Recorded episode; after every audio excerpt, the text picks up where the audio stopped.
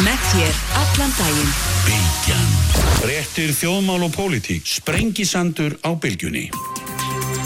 Sæli hlustundur, þá höldum við að staða hér á Sprengisandinu um þær verða hjá mér í lok þáttar Þórildur Sunna, Ævastóttir og Bryndís Haraldsdóttir, þingkonur, Eiríkur Bergmann Einarsson, prófessor verður hérna líka, Sigurður Jóhannesson, fórstöðumæður Hagfræðistofnunar, Háskóla Íslands, en fyrsti gestuminn í dag er Þórólu Guðnarsson, sótvarnalagnir, blessaður og og velkomin. Já, takk fyrir þá, sælir.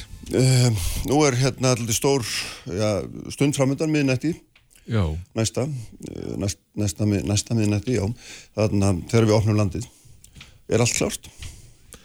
Já, það, við fórum hann til Keflavík og hlugallar í gær og skoðum og það er búið að gera út, útrúlega mikið þar og, og þetta er búið að vera ótrúlega mikið undirbúningur og margir komið að og og menn er búin að inna gríðarlega mikla vinnu á hendi og, og ég held þetta sé alltaf að smetla, auðvitað mm. verða einhverju nökra sem að koma upp en núna er tækjafæri til að, til að snýða þá af og, og hérna og, og máta sig þegar það sem að kannski ströymur verður ekki mjög mikill Já, hvað er það að reikna með 500-600 manns vista daginn eða hvað? Já, það er reiknað með svona kringum 600 manns á morgun og, mm. og kannski næstu daga en, en menn vita svo sem aldrei nákvæmlega hvað eru margir sem er að koma fyrir bara nokkur klukkutíma vélinn fyrir loftið og, mm. og veit, menn veit ekki hvað eru margir sem bara mæta á völlin Nei, nei En hverjir eru svona álagsbúntarnir? Er snýst þetta um tækni eða snýst þetta um afkastagetu? Hvað er það svona sem að... Jú, það snýst náttúrulega, í þessu tilfelli þá snýst þetta aðalega um afkastagetu í, í greiningunum á mm. sínunum. Já.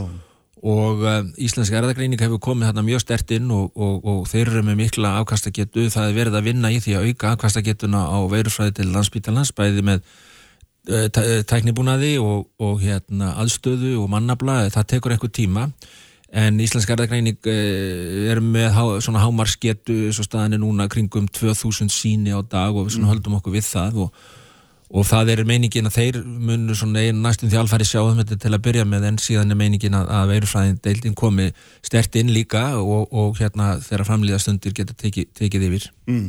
Þannig að 2000 er svona hámarsfjöldir sem við getum tekið á móti að því gefna við ætlum að skima það allavega, gerum við áfyrir að margi fari í sótkvín Já þá erum við ekki að tala um sko, við erum að tala um landið allt. Já, því það verður skimað öllu landinu og, og, en væntanlega munum við náttúrulega fá mikla reynslu og upplýsingar og þetta er til þess að leikurinn gerður að við mm. getum þessu spurning, þessari spurningu eru ferðamenn að bera með sér veiruna hingað inn til lands Já. og við erum að reyna að gera allt sem að hægt er til þess að reyna að komast að því komast að því á áraðanlegan hátt og væntanlega þegar framlýða stundu þá getum við breytt áherslum mm. þegar við fáum eh, vittnesku og upplýsingar þá getum við breytt áherslum og kannski hægt að skima vélar frá ákveðinu löndum og snúa okkur meira að mm. öðrum löndum mm.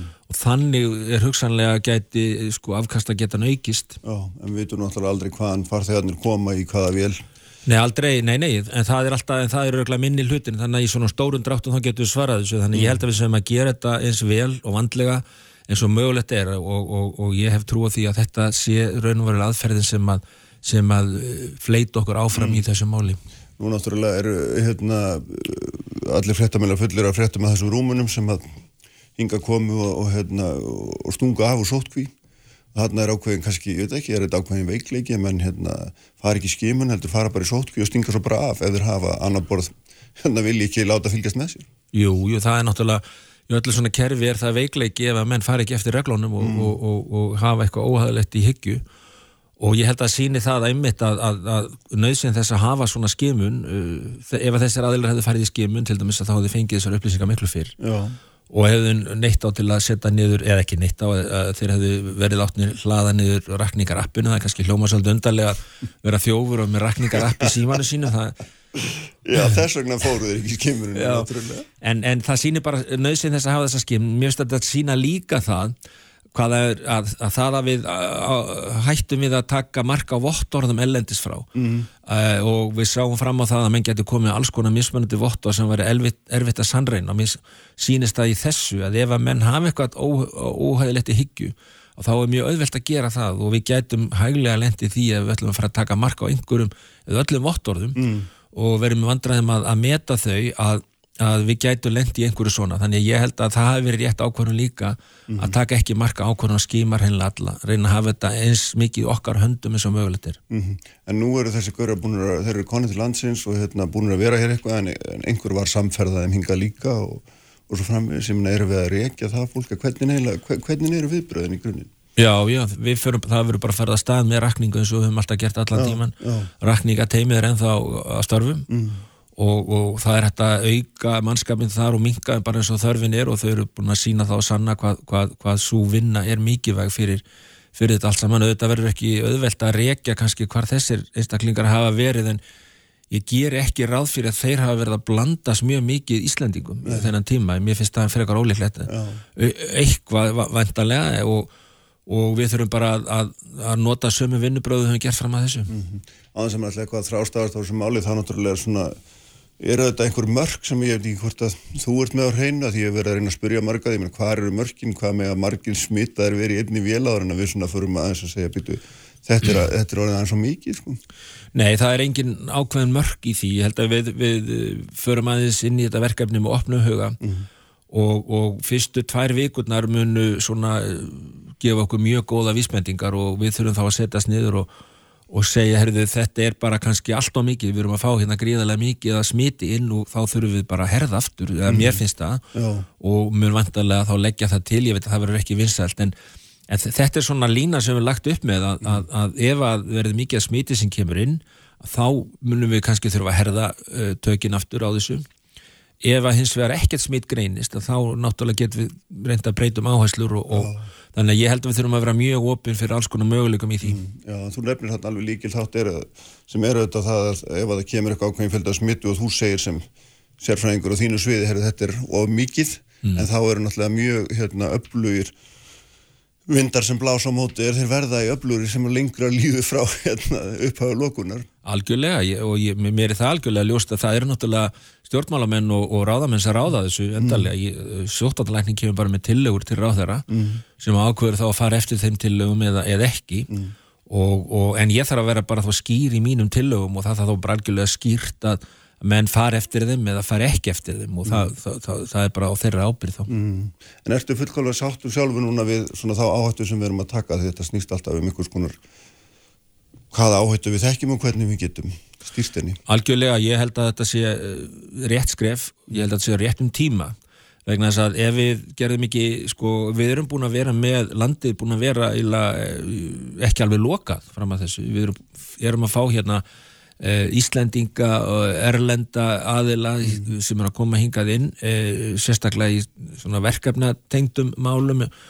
Og við höfum verið að veita um sótt, þeirra að fara í sótkví og, og, og, og svona afbreyði af sótkví eh, ég held að og þetta er, þessi þrýstingur er að aukast mikið. Og, eh, og ég held að eftir einhverja mánuði, sex mánuði, eitt ár þá stöndum við nákvæmlega í sömu spórunum. Hvernig ætlum við að opna það ætlum við að gera þetta svona eða ætlum við bara að opna upp á gátt eða hvernig ætlum við að gera þetta mm -hmm. ég veira að verður ekkert fara nú heiminum þá Nei. Þannig við þurfum stöndum í sömu spórum og ég held að sé gott að gera þetta núna meðan að ströymurinn er ekki mikill meðan við verum að fá vittnesku upplýsingar sem við getum byggt á okkar eigin upplýsingar. Annars er ennum veila blind í sjóin og við vitum raun og verið ekki neitt uh, hvað, hvað, hvað er að gerast með farþegana, eru þeir að koma með mikið smitt eða lítið smitt með þessu móti eru við að reyna að fá okkur vittnesku þetta er svona eins og vísinda verkefni raun og verið við erum að spyrja spurninga, við erum að fram, framkvæma tilraunina og við erum að bregðast við niðurstöðinni Mm. Svo það er áhugavert í þessu er að þú segir að hérna, þú munir, þú munir hérna, skila eh, hugmyndum eða tilmælum til, til lögum var réttar að segja til, til ráðherra og hann auðvitað ræði hvort hann fyrir eftir þeim eða ekki hinga til held ég hann hafi nú alltaf farið eftir þeim 100% Já. og er ekki einu sinni heimilt að hérna, farið eftir þeim að hluta annarkvort samþykir hann það eða sinjar í heilt sinni ekki satt. Nei, ég held að það sé ekkert endilega þannig, ég held að ráðherra hafi frjálsar hendur með að taka hluta til honum eða, eða hann þarf ekkert að taka allar eða ekki neitt, ég, ég, það stendur hverki í lögum held ég. Nei, en hversu hérna, viðfemt er þetta vald sko sótvarnalæknis í raun og veru? Þess að ég sá allir haft eftir, ég veit ekki hvort það var frá þér reyndar en það var svolítið skemmtileg fyrirsög sótvarnalækni fer fram á gæsluvarðald maður hefði haldið að lögreglan gerir það hinga til? Nei, en, það- en, en hvernig þú veist Já, þetta er algjörlega skrifað í sóttanarlaugin Já. og, og, og, og við höfum beitt þessu oft áður. Það er þannig að þegar einstaklingur er með uh, alvarlega smitsjúkdóm út í samfélaginu þá eru valdheimildir sóttanarlæknis mjög miklar hann, og það er hann sem að byður þá uh, lögreglunum aðstóð við að ná í viðkomandi og, og, og, það er þetta að fara, taka viðkomandi og fara með þá í rannsókn eða jafnvel setja þá í einangrunum en uh, sama skapi þarf náttúrulega að, að leita til dómara, fá dómsúskuð Já. Á því, það er ekki sagt úr lögun og hvað það er að taka langan tíma en það var gert í gær. Þannig að valdheimildir sótvarnalegnis eru gríðarlega miklar og við höfum beitt þeim mjög oft innanlands á þess að, á þess að það rati fréttindir endilega Já, og, og, og þetta, tilgangur með þessu eru raun og veru að reyna að hefta útbreiðslu alvarlegra smittsjúkdama eins mikið eins og hægt er og bregðast við mjög hratt. Og ég held að þessi sóttvarnalög hafi, hafi sínt sig að vera mjög gagligar að mörgu leiti. Í þessu tilliti þá er það þannig að, að sóttvarnalæknir á að komið tillögur til ráðherra en hann getur, ef hann næri ekki ráðherra ef að lok, ráðherra með lokaðan síman þá getur sóttvarnalæknir gert ímsa hluti en hann þarf að tilkynna ráðherra eins fljótt og auðið er um sína, sína niðurstöðu og þá getur náttúrulega ráðherra gert ímslega kannski. En svona eru bara lögin og, og, hérna, og ég held á, ég veit að þetta fer fyrir brjóstiða mjög mörgum að einhver einn aðili skuli hafa svona mikið vald.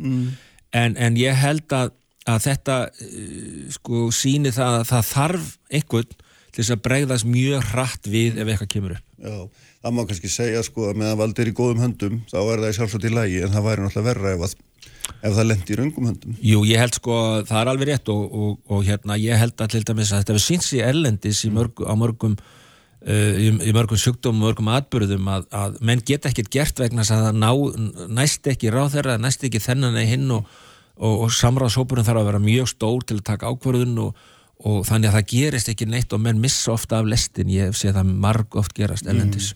En hérna, förum aðeins betur í þetta með gæslevarandi vegna þetta er áhugavert, uh, sko, meina, þú hefur raun og verið valdlega óska eftir því að fólk verði kyrsett, getur við sagt, hvort sem það, hvað svo sem það hefur í hyggju, bara ef það, hérna, bregst ekki við tilmælum um, en það að haga sinni eins og við viljum gagvart, sko, sóttinni sjálfri.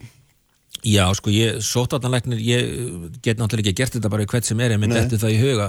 Jó, í næsta húsi sé eitthvað leðilegur að hann bara settur í einagrunn að loka þeirra það þarf náttúrulega að vera grunur uh, mjög sterkur eða staðfestu grunur um alvarlega smittsjúkdóm til þess að sé hægt að beita, beita þessum lögum og, og í þessu tilliti þá, þá, var, þá var það hægt og, og hérna þannig að þetta er svona, hefur auðvitað eitthvað ákvæmna takmarkanir þannig að það er ekki hægt að beita þessu bara eins og, eins og mann er listir sko. Nei, nei. En hvað hva gerir svo núna? Nú fer þetta fyrir dómara og hann þarf vantilega að, að samþyggja það sinja og, og Já, hvað sko, svo? Já, þetta er eiginlega þannig að, að þessir aðilar sem að, sem að greindust þarna, þessi tveir Mm. með staðfesta sýkingu og hinn er ekki með staðfesta sýkingu og hann þarf að fara í sótkví og ef þeir neita því að fara í einagrun þá fer þetta fyrir dómara.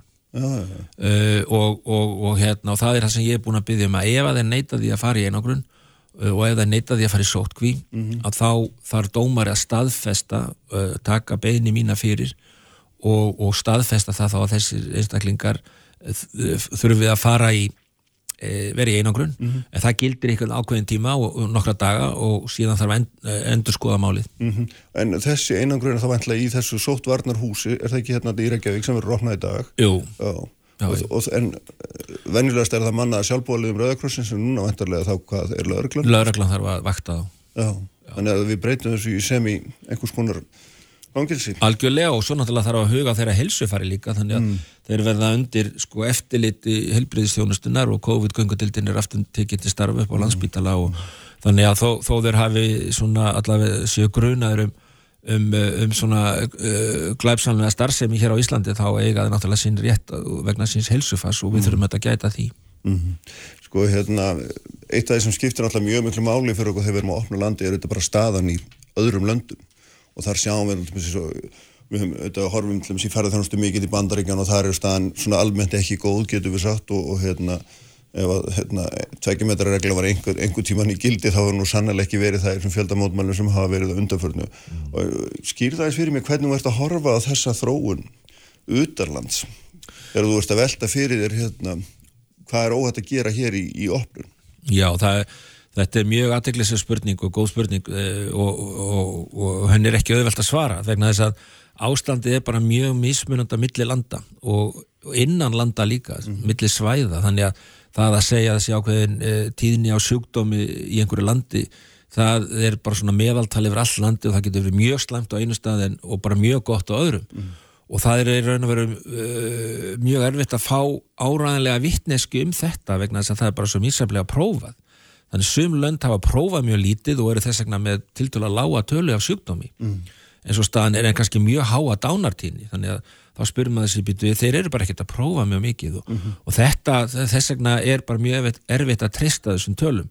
Og svo kemur svona pólitíkin inn í þetta daldi líka að mennur að gera, eða löndir að gera tvíliða samninga um opnanir og þá eru þeir að miða búa til einhverja reglur uh, sem miða við um varðandi hvað mörg tilfelli greindust per 100.000 íbúa mm -hmm. á síðistunum 6-7 dögum. Og mennur bara með uh, mismunandi uh, hérna kriterja fyrir því hvernig svo opnuna á að vera. Og mér sínist að vera bara algjörlega á pólitískum grunni. Já Þannig að það sé einhverju, það er ekkert við að styðja stíðu svo annað en bara maður getur alveg sett bara fingurinn út um glöggana? Algjörlega, er ekkert við að styðja stíðu það er ómöðulegt að segja nákvæmlega hvernig þetta er. Þannig að ég held að eina leiðin fyrir okkur við höfum tök á því að gera þetta eins og við ætlum að gera, skima á landamærunum reyna að lámarka áhættuna því að það komi hingað inn smitaðir ferðamenn og við erum að uh, abla vittnesku sem ég held að aðra þjóði mér sé að líta líka til núna, ég hef bara fengið brefum það og, og, og, og hérna ellendis frá að menn fylg, muni fylgjast mjög náðu með þessu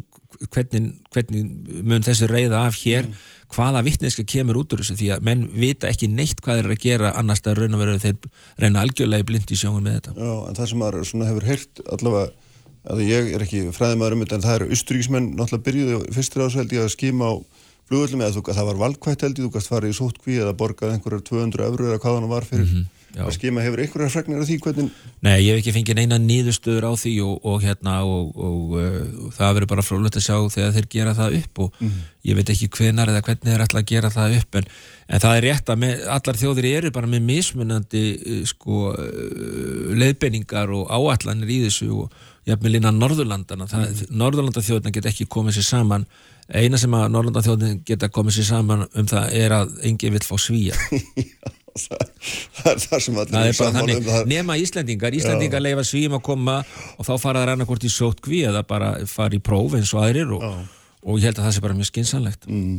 Hvað svona, hérna, svo ég hendiði nú bara hinga á þanga sko, hvað, hvað, hvað sér þið fyrir að þetta ástand á flugullum skimun var í lengi? Ég veit það ekki. Ég veit það ekki hvað. Það er, ég, Ef ég vissi það þá var ég bara búa til einhverja tölu og, og þannig hefur þetta ferli allt verið frá uppaði mm, vegna þess að mm. við erum það var mörgleiti miklu auðveldara að eiga við faraldurinn meðan hann var að rýsa hér og, og, og hérna þá var þetta svona reyndborð, það vissi maður nokkur með hvernig, hvernig nátt að nálgast þetta. Núna eru bara eh, alveg, alveg nýr leikur í gangi. Mm og reglurnar eru bara ekki ljósar og það er ekki ljóst hverju leikendur og, og, og hvað völlurinn er stór mm. þannig að við erum að stíga eitt skref í einu ja. og, og við höfum tækifæri hér að því að við erum þessi eigi átt í hafi að við höfum, og til dæla fáminn þjóð, þá höfum við tækifæri til að gera þetta á okkar fossendum mm -hmm. og gera þetta á, svona, á yfirvegaðan og kontrolleraðan hátt og það er það sem við erum að reyna að gera vegna sem við vitum það að, að það er ennþá fóður hér innanlands fyrir þessar blessaði veiru, það er ekki nema 1-2% af þjóðinu sem hefur smittast oh. þannig að við þurfum að gera þetta yfirvegan og rólegan hátt og ég uh, þurfum bara að endur meta þetta reglulega og, og annarkort þurfum við að gefa í eða slaka á eða við þurfum bara að herða sko reglur fyrir ferðamenn. Mm. við, við komum náttúrulega til með að sjá hvernig farandunum þróast í öðru löndum og svo framvegis þannig að þetta verður bara lært ánsferðli frá degi til dags, get ég sagt. við verðum bara að meta stöðun eftir því sem að okkur berast upplýsingar að það náttúrulega verður svona eins og þú varst að nefna að tölfræðin er náttúrulega mjög á reiki og bæðir náttúrulega tölna sjálfan að segja líka aðferðafræðin er stundum telja menn hérna, grunnsamlega lát með og stundum ekki og þetta Já. er allu gangur. Algjörlega, það er sko, það eina sem að mér finnst maður að geta nokkur með stöðst við það eru dánartölur að völdum COVID í þessum löndum. Það er nokkur neginn samræmið því þó það sé eins og þú segir réttilega að þá er ykkur svona mismunur á því en það er svona eini munurinn til að sjá svona nokkur neginn hvernig útbreyslan og, og hvaða áhrif sjúkdómurinn hefur haft.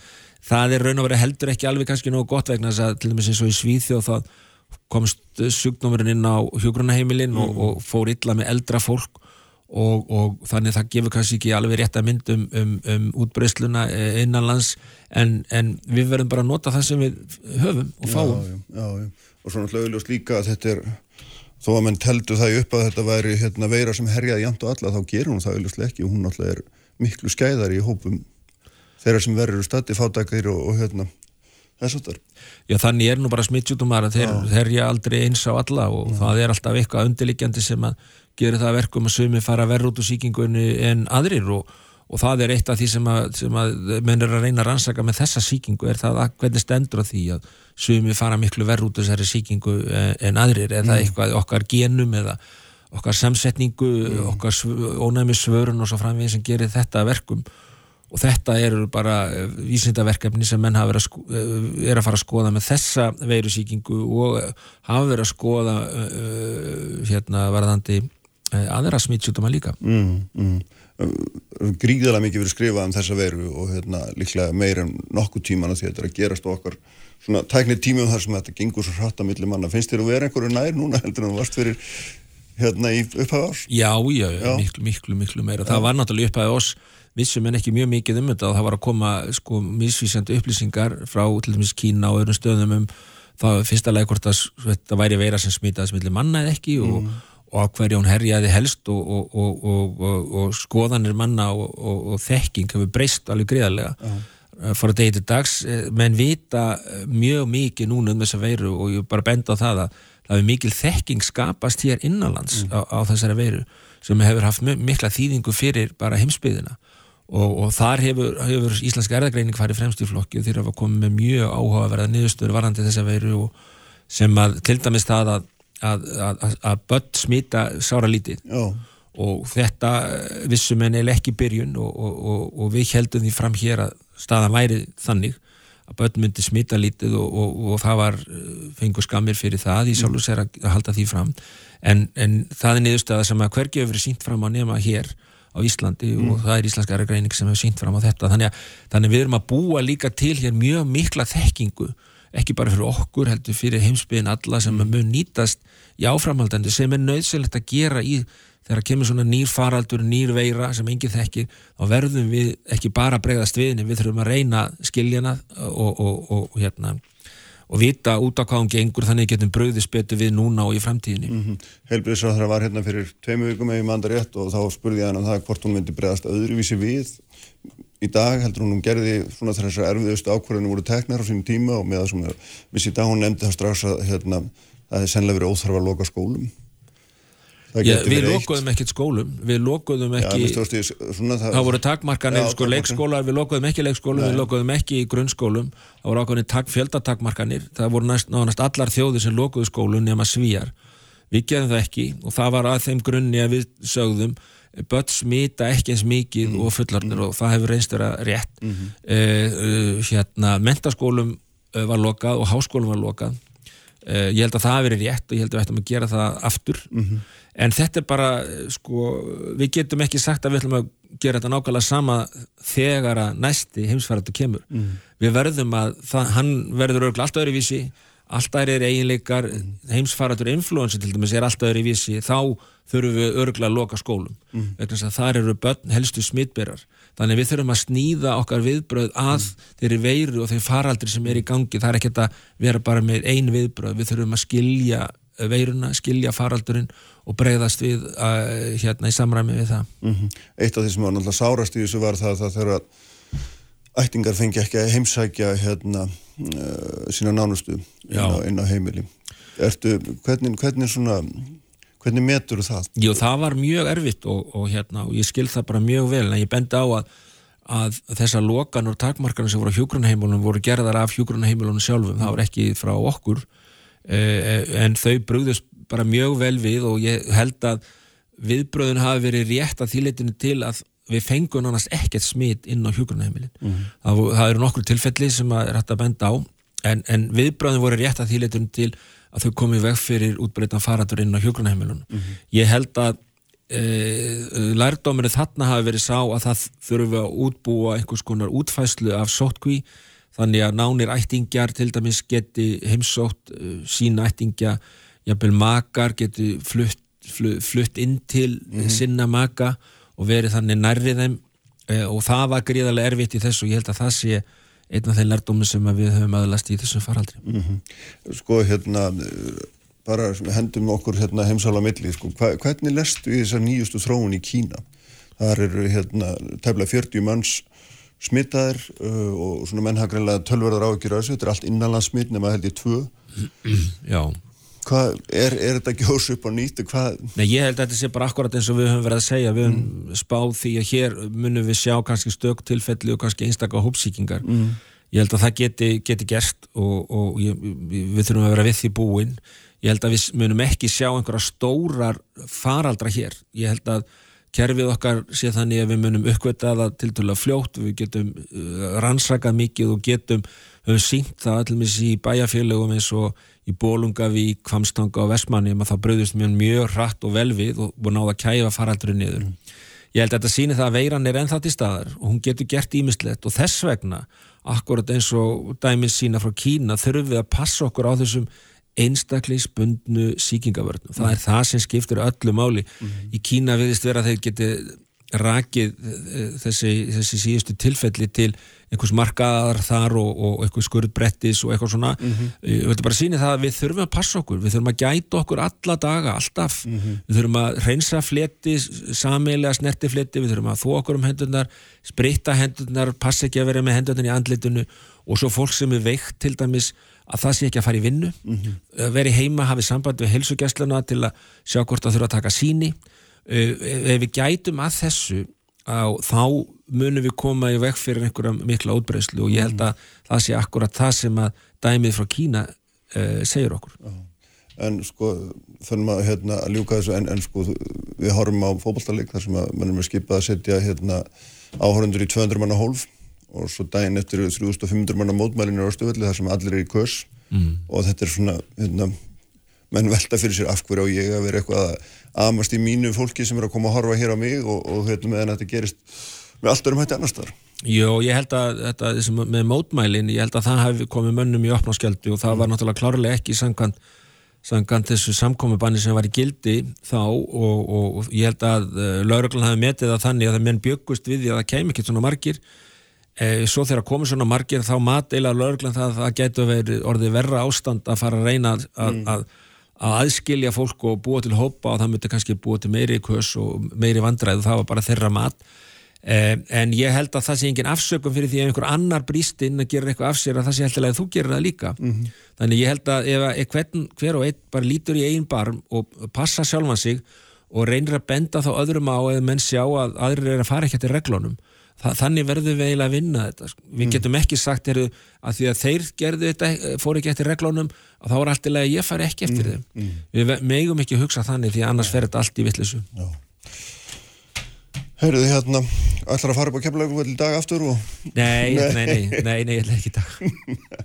þetta verður spennandi að sjá bara strax á morgunni, þegar ekki, hvernig þetta... Jú, þetta verður mjög spennandi og, og ég var mjög hrifin að því hvað hva, hva er búið að gera á kemlaugum fulli gæra, það greinlegt að menn hafa gert alveg stórkvæslega hluti. Já, við skum vona að þetta fara allt á besta veg Þorólur, takk kærlega fyrir að koma. Já, sömulegis takk. Og hérna við haldum áhrifn til augnablik Sigurður Jóhannesson sem er fórstöðumar Harfræðstofnun Háskóli Íslands verður hjá mér.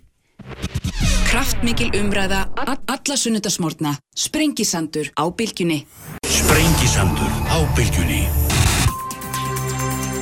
Sæli hlustendur, þá er hann farin fram innan Þorlur Guðnarsson, sótvarnarleiknir, margt framöndan hjá honum að sjálfsögðu og hérna verður svo lett að sjá hvernig þessi, þessi skimun gengur á landamærunum uh, og hvaða vittneskjún skilur okkur. Uh, þær verða hérna í lokþáttar Þórildur Sunna og Bryndís Halastóttir þínkonur, uh, Eirikur Bergmann Einarsson, professor stjórnmálafræði verður hérna líka en sestur er hjá mig Sigurður Jóhannesson sem er fórstuðum með Hagfræðistofnunar Háskóli Íslands, velkomin Takk uh, Hann er rétt að við, við skulum byrja því að, hérna, að taka fram um hvorur okkar er sérfræðingur í flugræstri svo völdu nú ekki stjórnaformanni Æslandi erum miklum hérna, ágjum og ama en þú skrifaður hérna í vísbendingu mjög skemmtilega grein um, um, um svona það sem þú varst að velta fyrir þér svolítið svona eh, hvað maður að segja hvert, hvort rétt væri að verja Æslandi er falli. Uh, og þá að halvu hverja ríkisins svoð og fjárfæstórsframvegs og hérna og það er svona áhugavert fannst mér sko sérstaklega varandi svona auðbyrjum þar sko að hérna að mér fannst svona tónin hefur verið að sá að það væri ómikið lág þetta eins og, eins og mál stæðið að þeir væri að setja sitt fjö í, í, í flugræstur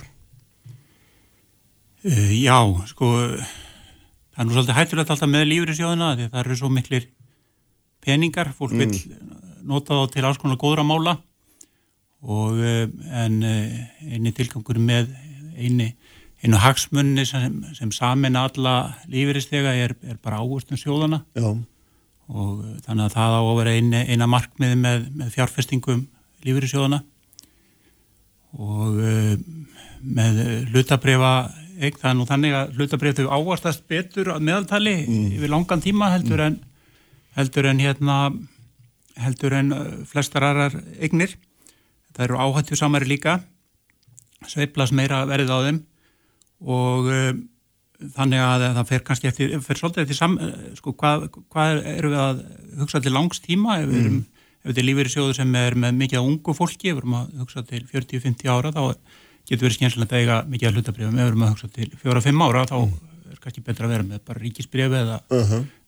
reyðu fjegi að balú endanum. Já, en, eh, en eh, sko svo er með þessa þessi, þessi hlutabrif sko, hvers konar hlutabrif á þá að á þá að eh, kaupa og hvernig losnum við þá helst undan þessum seflum og það gerum við með því að að hafa hlutabrif eignina sem fjölbreyttasta.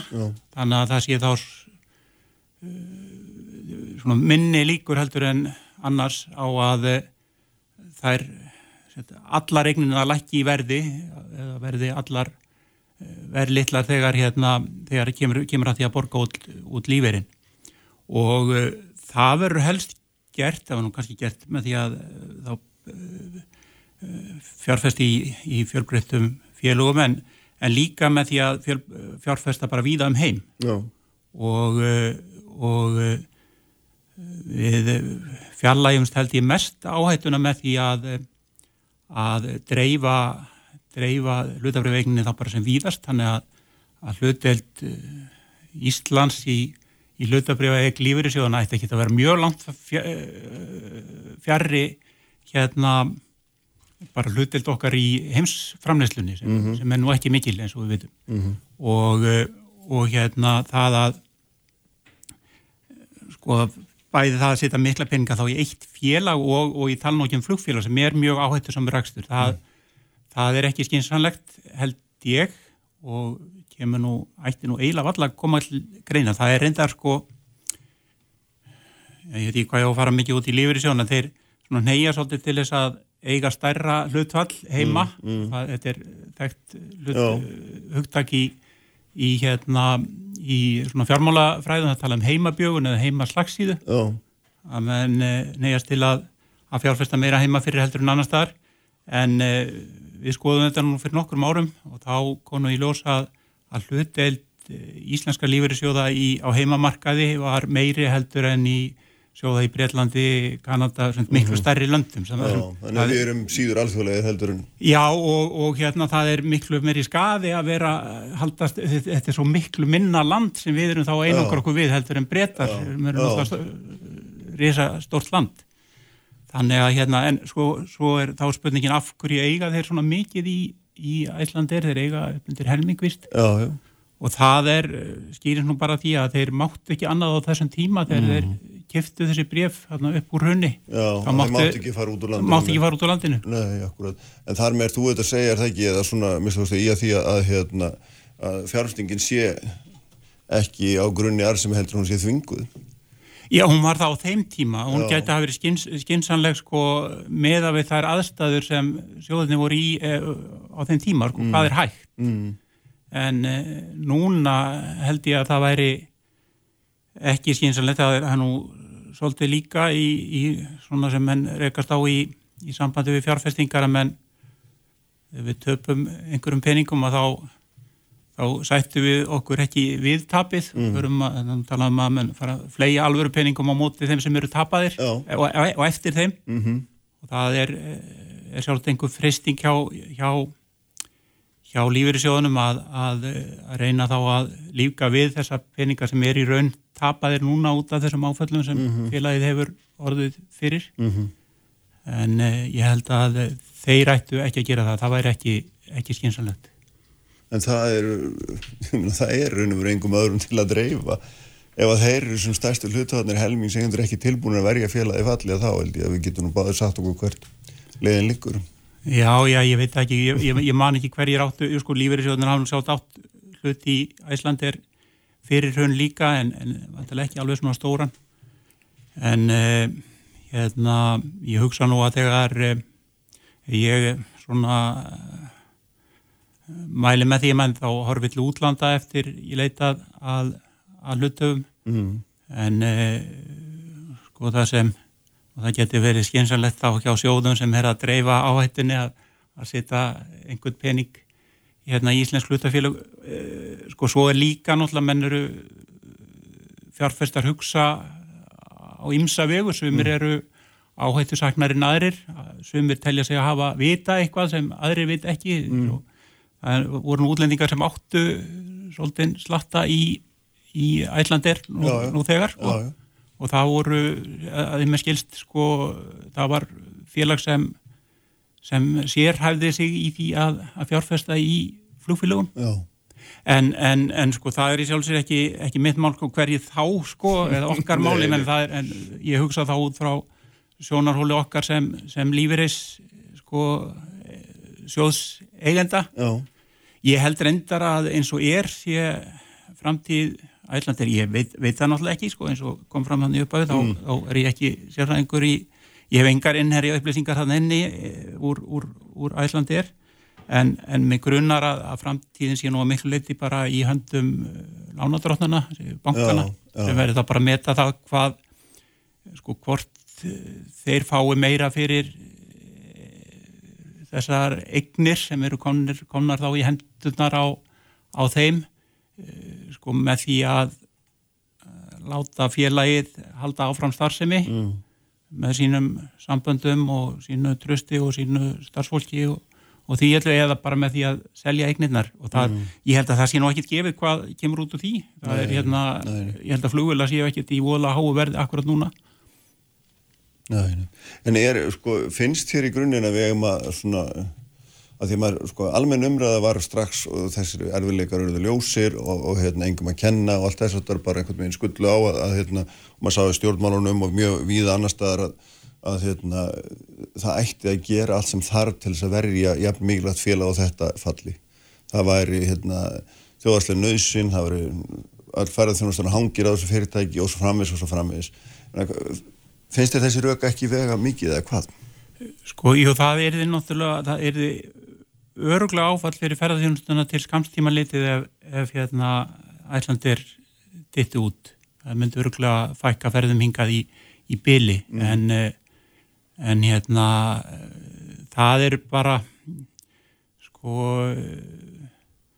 í gamla daga þá skiptu einstök félög í sérstaklega í flugrækstri miklu meira máli heldur en núna mm -hmm. Við hefum nú séð þá undanfjöndum árum að það sko, einna ódýrstu ferðirnar út, út á landinu hafa nú verið með allflótafélögum eins og visser mm -hmm.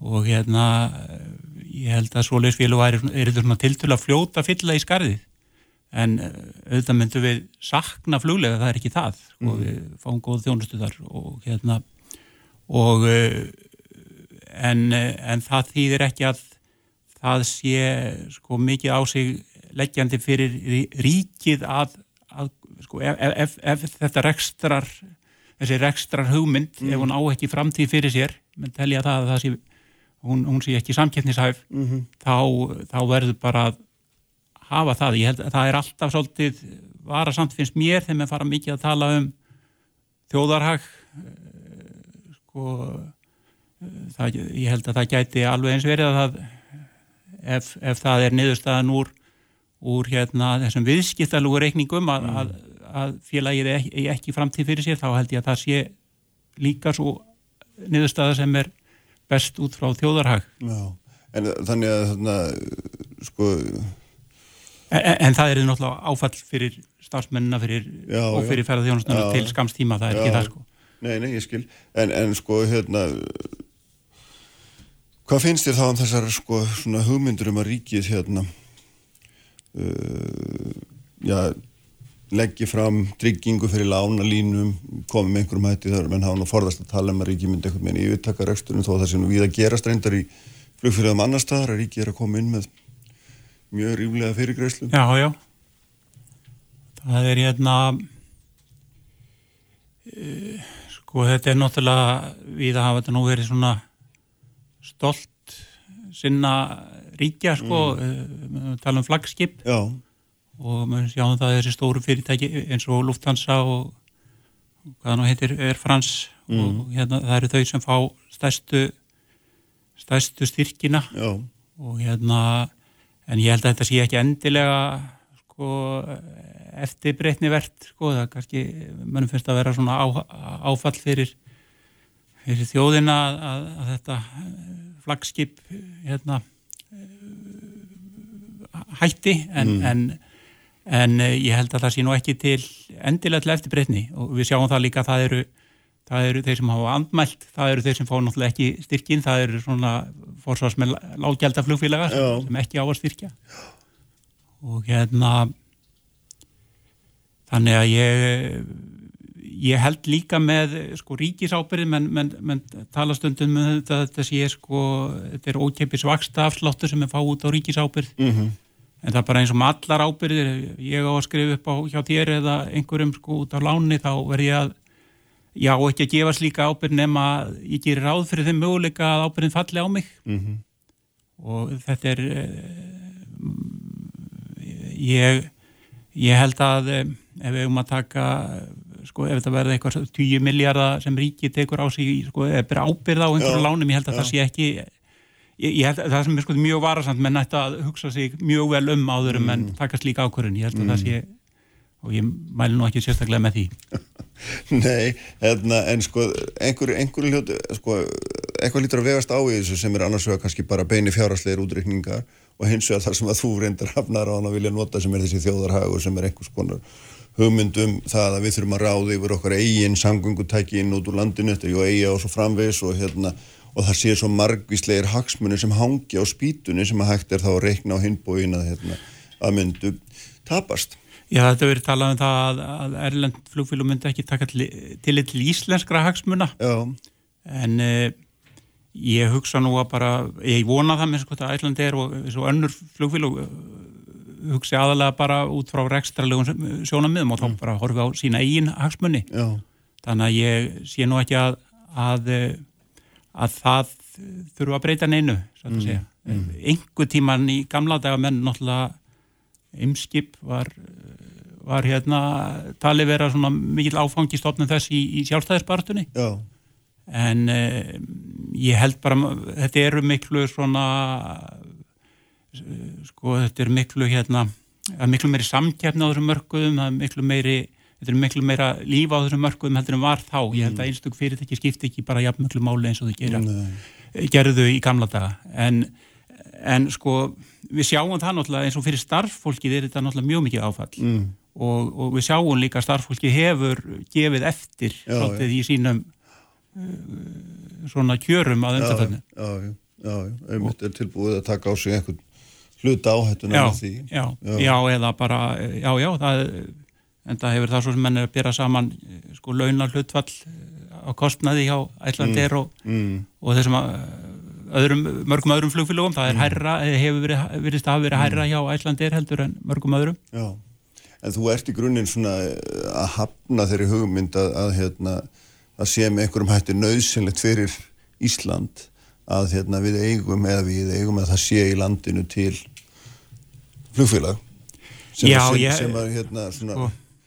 sem að hafi okkar hagsmunni sérstaklega það Já, já, peningar hafa eiga, þannig séð ekkit föðurland sko, menn, menn hugsa bara um að uh, ég held að nú, nútíma fyrirtæki séu reikin svona aðalega með það, það að sjónum, en sko ekki það að ég myndi ekki sakna nei, nei, æslandir sko, ég menna það er eh, gaman að vera fá, fá, fá hérna leðalýsingun á íslensku og, og, og hérna góð þjónustu þarna um bort Mm. en, en það er Það, er- ég menna ég síni þá afstöðu bara með því að ég er tilbúin að borga þá aðeins meira fyrir flugmiðan með, með Æslandir heldur en einhverjum öðrum. Mm, og það gera aðrir, aðrir farþegar í íslenskir örgla líka sko. mm.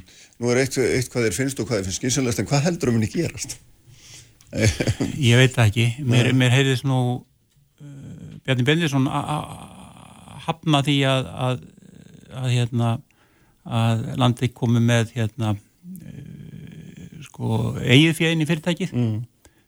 En uh, mér finnst, ég veit ekki menn, menn veriðast svona svolítið ganga frá, út frá því sem vísu, eða gerðu það um tíma að, að ef þessi pakki er þið til, svona eins og talaður um að verði á mm. næstu vikum að þá mm. komi ríkið inn með einhverja stórkostlegar já, með, ég er náttúrulega ekki að nota stóra orð, þess að 20 miljardar ábyrð, mm. ábyrð á 20 miljardar lánum, ég hugsa að það verði mér, finnst það líklegt að það verði endirinn Já, já. Nákvæmlega. En það er bara út frá umræðinu, það er ekki út frá því hvað mér finnst sniðut. Nei, nei, ég átta mig á því, það er ekki, hérna, það er ekki þitt, þín, þín skoðun heldur, heldur svona það sem þú ert að meta af, meta af umræðinu, vantilega er það ekki, hérna, en, en sko, veit ekki svona skuldir og, og staða landandróttin allt þetta, þetta er náttúrulega áhugavert, ég meina vantilega þarf að fella niður tölvört að skuldum til þess að svona geti gengið því annars auðvitað er bara verið að Já, já, já, já, já það, það, það er örglega, sko, þetta er örglega mikið áfall fyrir bankana sko, mm. sem hafa lánað eh, Æslandir og, og, og hérna félagið er náttúrulega, ef það heldur áfram þá verður það í samkefni við fyrirtæki sem eru eru hérna þurfa ekki öll að hugsa um svona skuldir sko. mm. þannig að hérna það sem er gert, það er bara það er tapað fyrir sko, þetta, þetta sem, sem tapaðist núna á undanföldnum mánuðum og það, það er, ég held að það tap lendir náttúrulega, lendir náttúrulega fyrst á, á hlutónum þeir eru líklega búin að tapa miklu eða mestu af sínu fjö en ég held að lánadróttunir hafi í raun og veru mm. líka tapað miklu og þeir verða bara horfast í auðvitað. Já, að því að það er áhugavert vegna svolítið sem svo Norvítsjan held ég að held ég fari alveg öruglega með réttmála þar voru bara skuldirnar streikaðar út meira að minna. Já. Þannig að þarna, þá nú sangimist það líka orðin eins og ég. Já, já, já, það, það enda hafa þeir sem ekki fá styrki þeir hafa verið, verið hérna, uh, sko þeir eru ekki dánaði með þetta mm. og þeir hérna, uh, sko, reyndar var með Norvítsían, það var nú reyndar að tala um það fyrirfram að það félag, sko fyrir áður en þessu óskupstunduði yfir, já. að það félag stæði ílla já, þannig að eh, ég veit ekki, hann var aðeins að velta fyrir mér sko, hvað hefði gerst ef, ef hérna Vá hefði nú sko hérna svona lifað, eða tórað í eitt ári viðbót. Hvort að það hefði verið þjóðar hefði svona komið til þá þjóðu það sam, hvað sem er samtakamáttur þjóðarinnar til þess að, til þess að lifta því upp. Ef það hefði lifað inn í COVID-krísuna þá hefði hugtæki þjóðarhafur orðið til í kringum það. E, Já, mennaðu örgulega að tala um þjóðarhag í sambandi við það, það mál sko. Er, Það verður forvill að sjá hvernig þetta, þetta fer allt saman sigur Takk fyrir að koma og hérna veit okkur insýn í þetta, ég ætla að tala við Eirik Bergman hérna eftir augnablík Uppspretta fengisandur. Ábylgjunni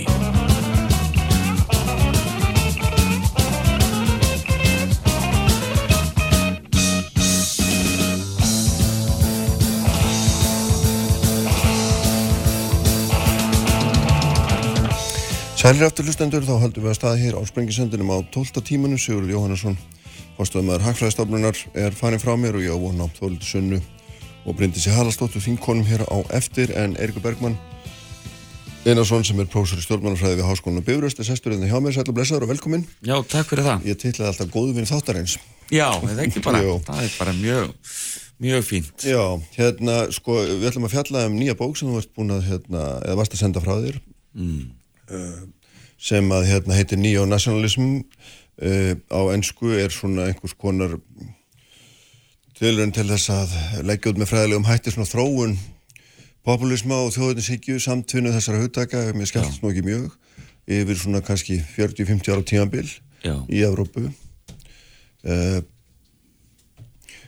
förum bara aðeins í grunninn svona hérna þessi hugtök, þjóðunni og populismi, þetta er nú hérna það er ekki ráðist á garðinu þar sem hann er legstur í sérstaklega ekki því fyrir sko. Já, mm. sko þetta eru bæði kannski einhver floknustu hugtök uh, félagsvístana mm. og skeita þeim svona saman í eina bók mm. uh, gerir málið en vandar samara en ég hef nú verið að takast á við þetta fyrirbæri í, í stjórnmálunum í nokkuð tíma og sendt frá mig nokkra bækur og þessi hérna nýjónationalism er sko einhvers konar hvað var að segja, breyðari samantækt mm. á henni sögulegu þróun heldur en ég var áður gert útgefandi minn hjá Palgrim Macmillan fannst komin tími á að þetta er því svona tekið einhvern veginn meira saman og myndin sko sögð heildstæðar mm -hmm. eða teiknuð upp heildstæðar eftir að sagt mm -hmm. og um, úr er þessi greining á þremur bylgjum þjóðutinspopulismans eða mm -hmm. nýþjóðutinsíkjunar nýþjóðutinsíkjan sem hugtæk þá nota til þess að ná utanum þessi tvö hinn hugtæk sko, populisma og þjóðutinsíkju vísa til þess að þessi þjóðutinsíkja eftir strísarona er uh, í grundvallaratriðum frábröðin þjóðnishyggju fyrir tíðar mm -hmm.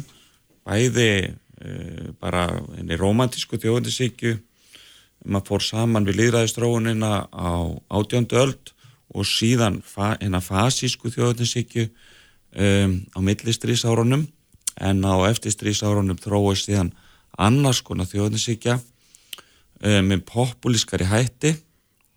Og ég, í þessari bók þá er eiginlega mitt framlega til fræðana það að mm. greina uh, hvernig flokkar þessum toga rýsa í bylgjum í kjölfar efnaðsleira eða þjóðfélagsleira áfalla og hvernig bylgjuna sé að magnast hver af annari mm -hmm. og svo fyrsta rýs bara í örstuðtu máli sko eftir ólíkrísuna 72 þá fyrstu svona flokkarnir koma fram það er svona jæðarflokkar Þetta eru svona fólk sem er skreitt nazistatáknum og hermannaklossum og svona. Uh. Eh, síðan kemur næsta bylgja í kjölferði að falli Berlínamúsins og endalókum kommunismas, aðalega andstöðu við streymi, uh, ströym sko vinnandi fólks austan og álfi vestur yfir og síðan hardari afstöðu austan megin þegar svona lovorðið um, um hérna miklu hagsalt sem að myndi fylgja hérna vestræna fyrir áslinda líðræði mm. leta á sig standa. Þá gerist það þar ef síðan er kjálfarið af fjármálakrísum 2008 þá má segja að þjóðispopulismi að þessum tóka hefur bara breyðst út um allt Já. og nú er svo komið Já. að í fjórum staðstu líðræðisríkjum heimsins mm -hmm. eru við völd eh, öll sem við getum kallað populísk bandaríkjónum, Brasilíu Indlandi mm -hmm. og Indonési mm -hmm. sko, það er ekkert smáraðis Nei, þetta er ekki smá fjöldi sem líkur undir þegar þú talar um populísk yfirvöld Já. þá svona, ég sé að flestir ímyndir sér að það sé líðskurum Já. það er það orð sem við höfum notað það er að segja að þú, ert, þú segir fólkinu það sem fólki vil heyra óháð raunveruleikanum, en populismi er það ekki, er í raun og veru einhvers konar já, er þetta það? eða hva, hva, hvernig neilega svona Ég nota ekki íslenska hugtæki líðskurum mm. yfir þetta vegna þess að það er bara miklu hardara hugtæk það er sem sagt um, það gengur lengra heldur en eh, alþjóðlega hugtak populismi uh, segir fyrirum mm -hmm.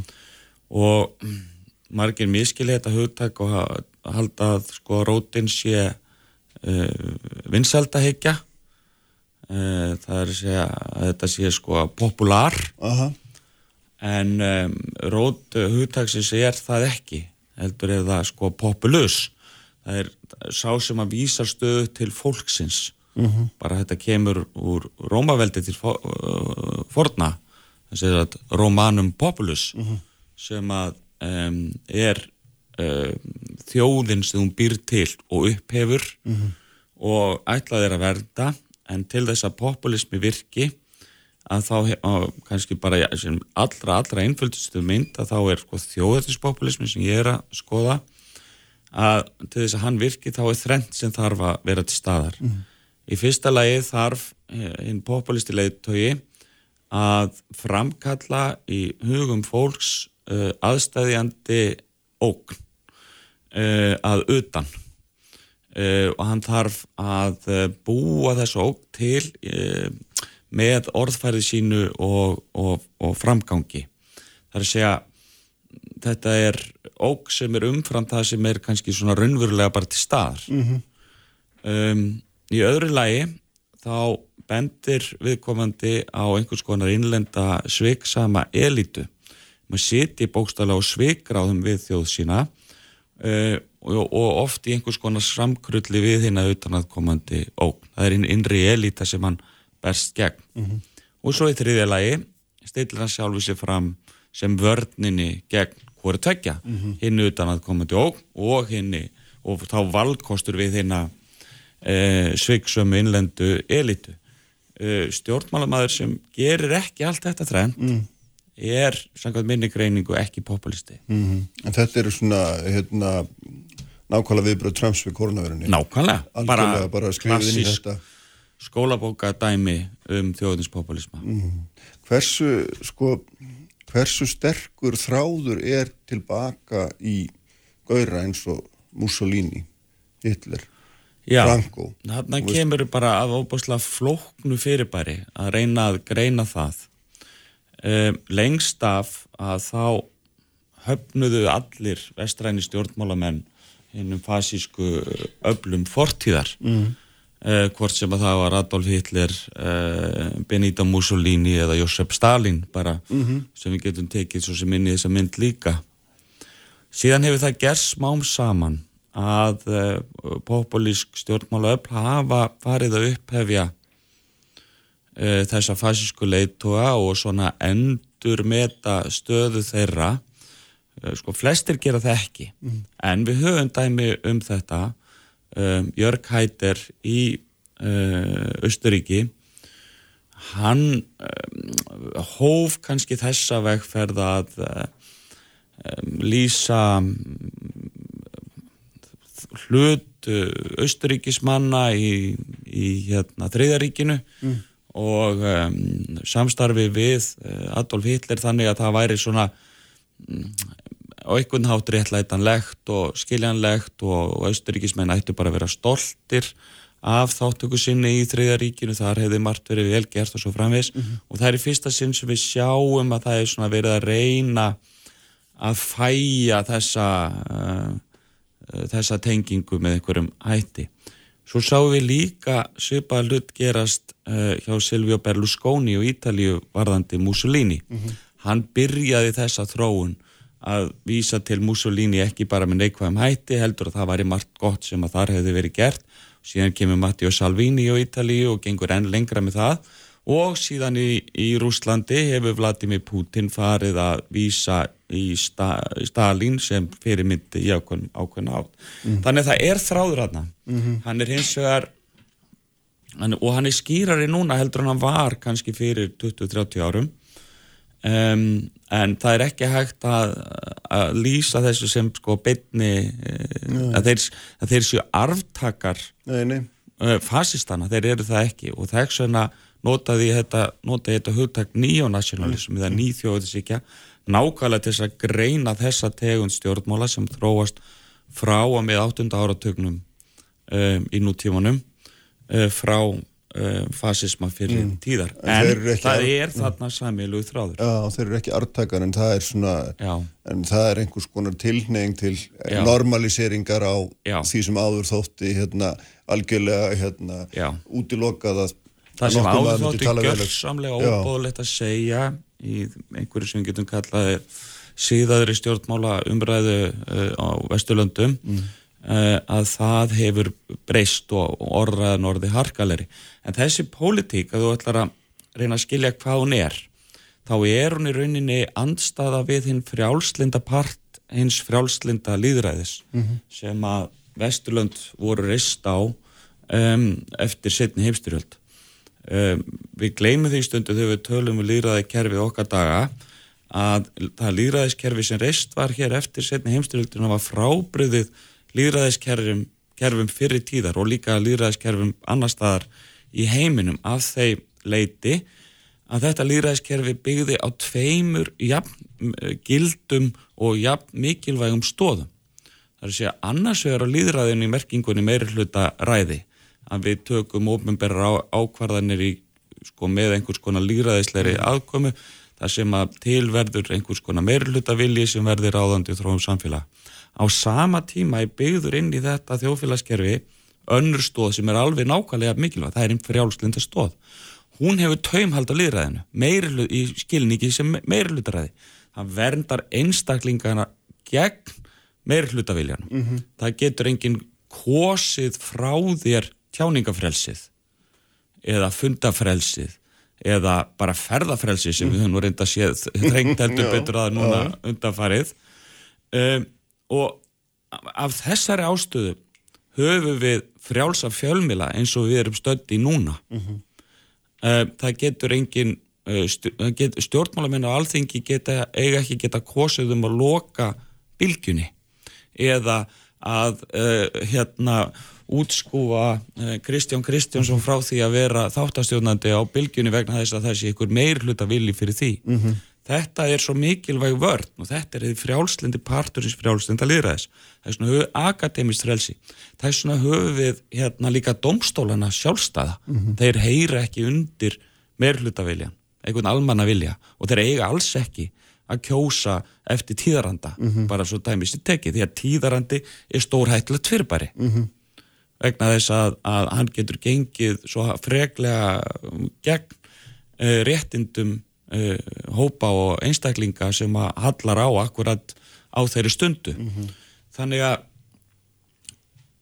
þessi þetta kerfi, frjálstendalýraðiskerfi var nánast óumdeilt eftir setni heimstyrjöld þegar þessu kerfi komið á einmitt vegna og það þótti mikilvægt að koma kerfin á svona og til dæmis með alþjóðastofnunum og ofan á þjóðregjónum sem að dæmdu þvert á ríkin og voru samstarfið þvert á ríkin einmitt til þess að þetta, var, að þetta opna frjálslinda samfélag gæti raunverulega virkað. Um, og þetta var óumdelt kerfi og menn töldu að stjórnmál myndu sko á, á vesturlöndum þar að segja ekki hérna einum kommuníska heimi, við vorum auðvitað hérna í kaldastriðinu, uh, bara fara fram innan þessa ramma. Og svo þegar múrin fellur, þess, þá skrifar Francis Fukuyama sína frægu bók um endalók sögunar, sögunar og hins síðasta mann. Og menn hafa nú svona skemmt sér við að miskilja þá bók, um, misviljandi, uh, en hann held í fram, fall Berlínamúsins, að stjórnmál myndu þaðan í frá fara fram innan ramma þessa vestræna frjálstynda líðræðiskerfis mm -hmm. og að því vestræna frjálstynda líðræðiskerfi hefði, hefði endanlega segrað í baráttunni um heimskerfin, það er að segja eh, kommunismann sem var já, já. valkostur já. og þetta heldur menn lengi vel en svo hefur bara dálítið annað komið á daginn að menn hafa farið gegn þessu kerfi og það er populismin, hann er undirróður gegn hennum frjálslinda parti mm og hérna Er hann í eðli sínu hérna, stefna sem að svona uh, vinnur á því að kljúfa kljúfa niður samfélag Já, og vi, já, vinnur á því að reyna að sko gerast handhafi almannaviljans mm -hmm. að segja sko þjóðin vill og svo segir bara þess sem þið sjálfu finnst og hérna já, já. Og, og krefjast uh, þess að aðrir sem eru þá skjön undirgangist þennan almannavilja mm, mm. Og, og þetta eigðir út gaggrinninni umræðu, þetta eigðir út blæbreyðum og uh, það sem að populismin gerir líka er að hann breytir pólitískum andstæðingum og mótherjum í óvinni. Það er að segja, ef að þú ert á öndverðu meiði mm -hmm. við uh, pólitík populistans sem að telur sig vera handhafa almannaviljans þá ert ekki lengur andstæðingur sem að ber að takast á við í pólitískum rökræðum heldur eftir orðin óvinnur þjóðarinnar því að mm. þjóðin vill ju eitthvað annað mm. og hún er helstað, þetta er heldarhyggja þetta er andstaða við e, frjálslítið að því leiti að krefjast heldarhyggja mm -hmm. það er einhver óvinnur við þurfum öll að berjast gegn honum. Ef þú ert ekki með þeirri baróttu ertu óþjóðlegur og þar með orðin hættulegur óvinnur mm. þjóðarinnar. mm. Þetta, þetta er svo pólitík sem já, við erum að taka stáfið já, Þetta gengur algjörlega berhag við hérna, við sko svona einstaklisbundna einstaklisbundi frelsi getur við að þetta gengur í berhag við samstarf og alþjóða vettvangi vantalega þar sem þú afsalarðir einhver af fullveldið þínu yfir áðun þínum inn í eitthvað óskilgreynd apparat sem að þú hérna, og við, við sjáum sko hvað er auðvelt að taka réttindi mm. af fólki, eitthvað sem við teljum vera bara heilagt og algilt og mun, mun einhvern veginn bara alltaf vera til staðar þá þarf bara e, ofta ekkert sko mjög stórfenglega atbyrði ef þeir gerast með sko e, eða verður áfall eða eitthvað svona, sjokkeffekt sko mm. þá er, þá er þetta afnema þessi réttindi bara með einu pennastriki. Mhm. og það hefum við séð þessum koronaveiru faraldri. Margt af því getur vel talist réttlætalegt og jafnvel nöðsynlegt að gera. En það, við sjáum hversu auðvelt þetta er. Mhm. og það þegar, einu, þegar réttindi hafa einu sinni verið tekin af fólki þá getur verið erfitt að koma þeim á aftur. Og bara eitt dæmi sem að mjög slýsa þessu ágætlega það er í bandaríkjörnu núna að þá í koronaveiru faraldrinum þá hefur, hefur þar eins og við annars þar verið sett á takmarkanir á samkomum og jafnvel sett á útgöngubann. Útgöngubann er sko svakalega um, að, sko harkalegt úrræði til þess að beita og er yfirlt aldrei beitt nema bara í styrjöld. Þau eru bara gríðaleg styrjaldar uh, átök eru uppi að útgöngubann er sett á. En það var réttlætalegt í þessum koronaveira faraldri að setja útgöngubann við ákveðnar aðstæður í bandaríkjunum. Hvað gerir svo núna í mótmólanum og óorðunum, uh, kynþátt óorðunum í bandaríkjunum? Að þetta tæki komið starf og það er hægt að setja útgöngubann vegna þess að það hafði verið gert í koronaveirukrísunni og það, þetta er búið að gera núna út um öll bandaríkin og umræðan snýst ekki um réttmæti þess að setja útgöngubann sem allir hefðu haldið að það myndi vera aðalmálið. Hvernig getur þú sett á útgöngubann á okkur þegar að þú veist, hérna, við höfum hvert og eitt ekkert gert neitt á okkur, einhverju aðrir hafa gert eitthvað af sér annars staðar og þá er réttindi annar að tekin frá þeim.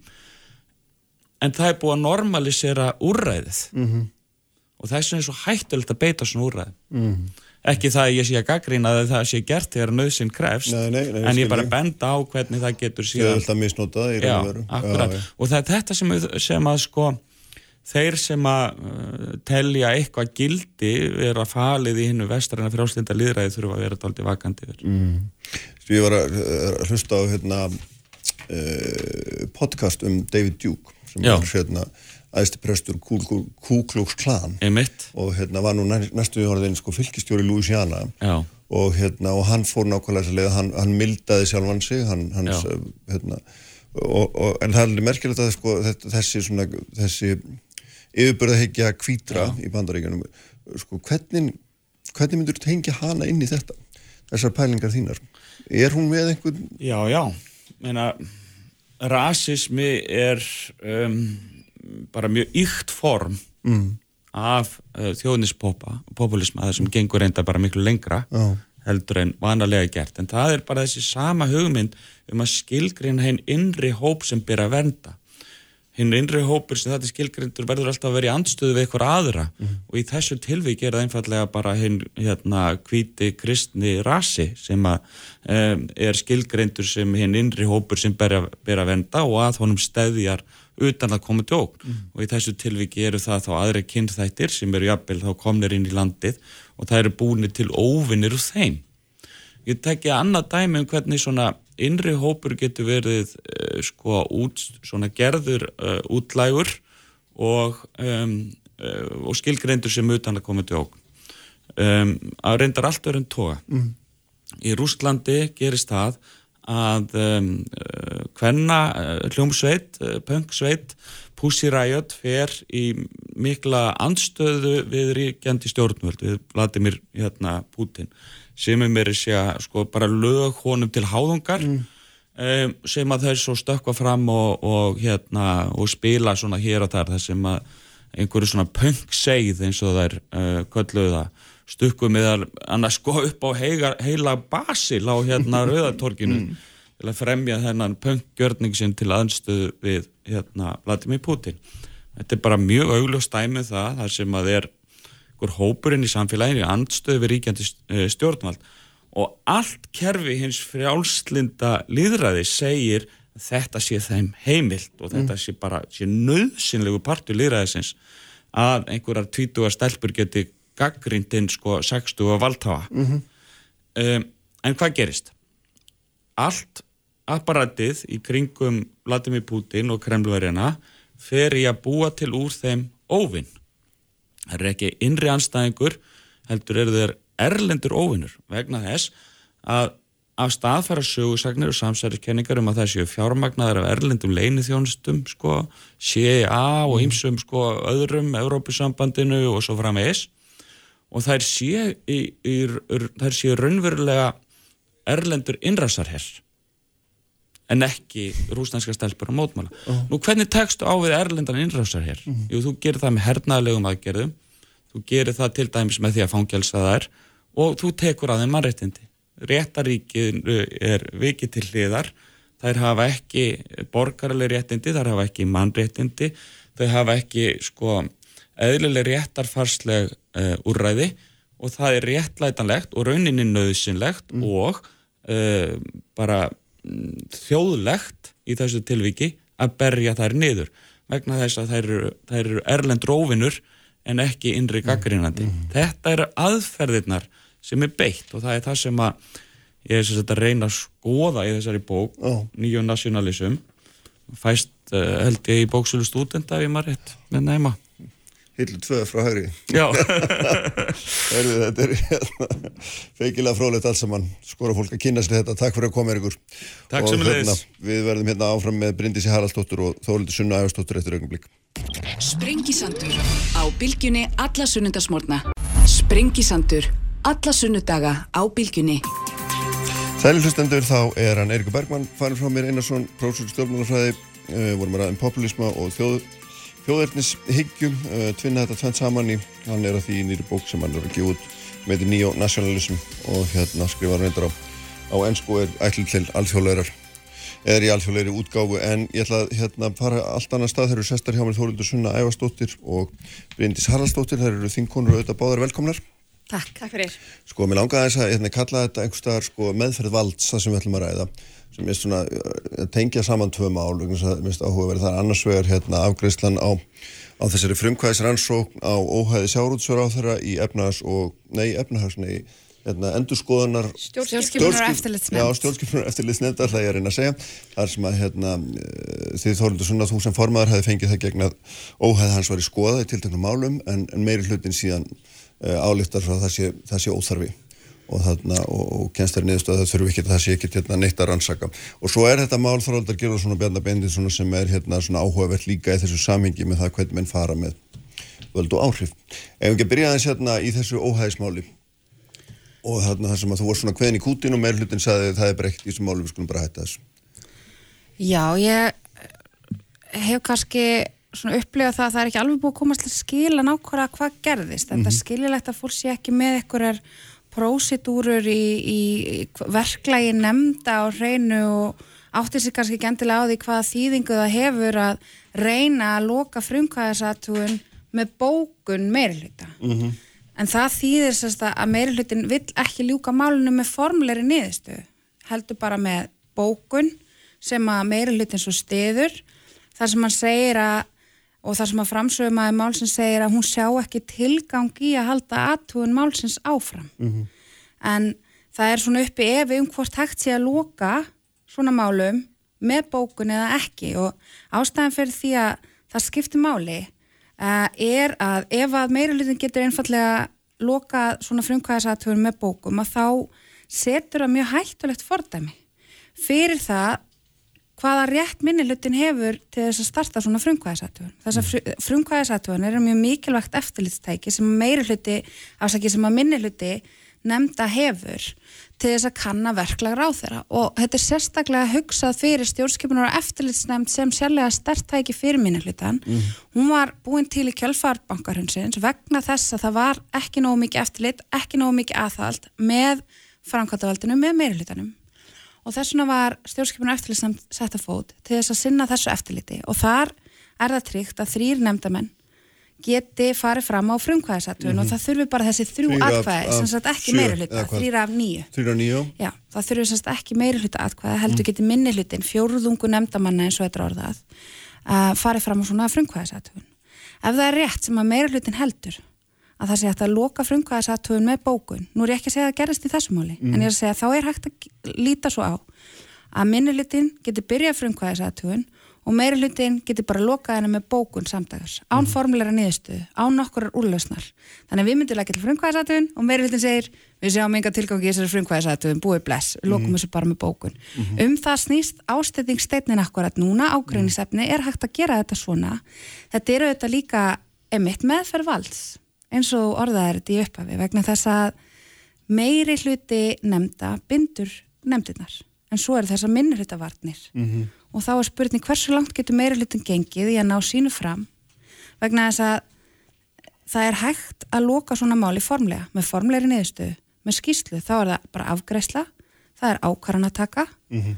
Og hún er formleg og þá er ekkit upp neitt vafi um hvort að málir sé lokið eða ekki Þannig að Þó það væri hægt að loka þess, sko, já, þessu já. máli með formlegri hérna, niðurstöðum það að, að það var ekkit aðdúa við, við hérna, hæfið ráðhansittir. Já, ég myndi raunar halda því fram að þessi bókun hún sé svona skýrsla sko, en já, bara í staðin fyrir að leifa okkur að vera með formlegt álita á því sjálf mm. líka minni hlutin eh, gegn því sem að meira hlutin heldur fram mm -hmm. að þá notu þessi bókun sem er mm. eiginlega ekki eitthvað bókun. En ég vil bara líka halda því til haga að auðvitað er bara rík hefð fyrir því líka að óski nefnda mann eftir gestum í ákveðna máli, óski er eftir nánar upplýsingum. Tellið er að mál séu ekki að fullu upplýst að þá er alla jafn að koma til mótsveða þótt að meiri hlutin geti náð sínum vilja fram með meiri hluta aðkvæðakæslu. Mm -hmm. Það er hægt að þvinga fram alls konar niðurstöður ef þú vilt.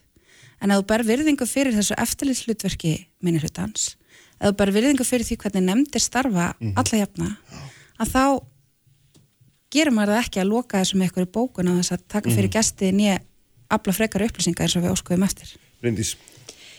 Já, ég vil nú byrja að segja það, ég held að stjórnskipun og eftirlitsnefnd sé mjög mikilvægt fyrir þingið, ekki mm. bara minni hluta mm -hmm. og ég held að eftirlitslutverk þing sem sé gríðarlega mikilvægt og þess vegna þurfum við að fara mjög vel með það eftirlitslutverk. Mm. Um, ég hygga sumi sem að hafi hlusta núna og þórildu sunni fara yfir þetta haldi að það hafi ekki átt sér staðin í natjón á hæfi ráðarhans en uh, það er nú þannig að nefndin er búin að vera með þetta mál á sínu borði núna í marga mánuði. Eh, engin í meirilutunum hefur uh, komið í veg fyrir það heldur, lítið þannig á að það sé ekki bara minnilutin í nefndinni sem hafi verið í þessari aðtjóðun, heldur bara nefndin öll. En það hafa verið kallaði til fjöldi gesta, ég held allir helstu sérfræðingar landsins í þessu málum, ráður hann sjálfur, satt opinfund og svaraði öllum spurningum nefndarmanna. Það hafa farið skriflegar fyrirspurnir til ráðnættisins að ég heiki tvígang og, og þar eru við að tala um einhverja tugi fyrirspurnar sem hefur verið svarað ítalega á ráðnættinu þannig að nú er bara spurningin sko hvenar, hvenar líkur þá slíkri rannsókn og það mm. er ekkert sem hefur komið fram í þessu máli í allan þennan tíma með öllum þessu sérfræðingum, með öllum þessu spurningum og öllum þessu svörum sem bendir til þess að Kristján hafi misfarið með valdsitt. Mm -hmm. Þannig að, og það held ég að verði verið niðurstæðan í þessu máli og þá er líka spurning byrju og hvenar á þá slíkri hérna aðtuguna hætta. Er eðlilegt að hún geti staðið árum saman án þess að nokkuð komi fram um að eitthvað hafi farið úrskeiðis eða verið mhm. gert ránt. Mm -hmm. og ég held að það sé stóra máli e, í, í þessu og, og þannig hef ég hort á það að, að hérna, nefndin líti þannig á eða meiri hluti nefndina líti þannig á að þessu máli sé lokið og ég hef ekki heyrt að, að gesta komi með öðru hafi verið hafnað Eh, ég held ég hef lesið það einhvers stær að það einu, eina höfnunni sem hafi átt sér stað í þessu förli öllu var þegar Þórildur Sunna sem formaði nefndarinnar hafnaði ákveðnum upplýsingum sem Óli Björn Kárásson fór fram á í upphafi máls. Eftir að máli fer svo stað þá hafa allir þessi gesti komið, öllum þessu spurningum svarað, ráð þegar hann seti fyrir og, og svarað og ekki komið neitt fram í allir þessari vinnu mm -hmm.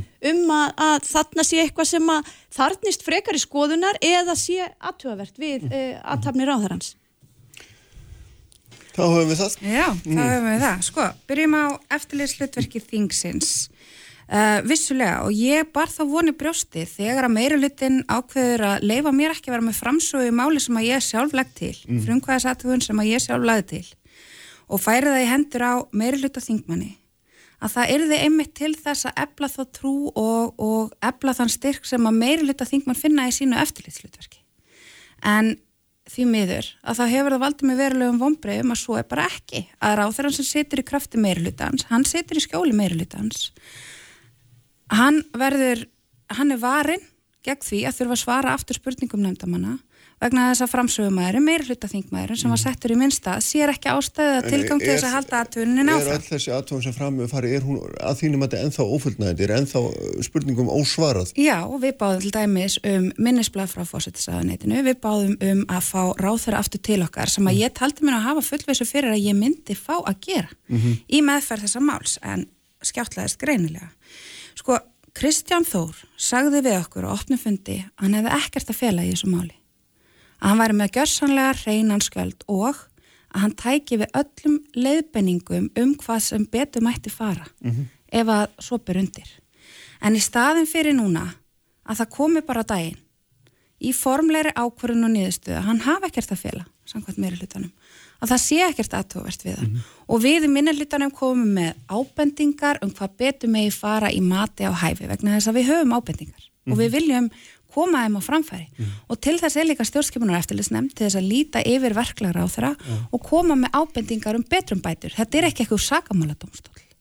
En við erum að byggja um að fá að ljúka okkar aðtugun og við erum að segja að það setur hættulegt fordæmi að loka aðtugunum gegn vilja minni hlutar sem fór fram á frumkvæðis aðtuguna En er það ekki rétt að þetta verður einhvern tíman að taka endi? Það verður Jú, að vera einhver er til- formlegur það- endir og hann getur ekki bara tekst út í það óendanlega. til form, það er til formlegur endur á þetta og það þýðir að meiri hlutin þarf að hafa dug í sér til þess að þóra að gefa frá sér eitthvað ofinbært skjál í þessu. Það er nú ekki flóknar en það.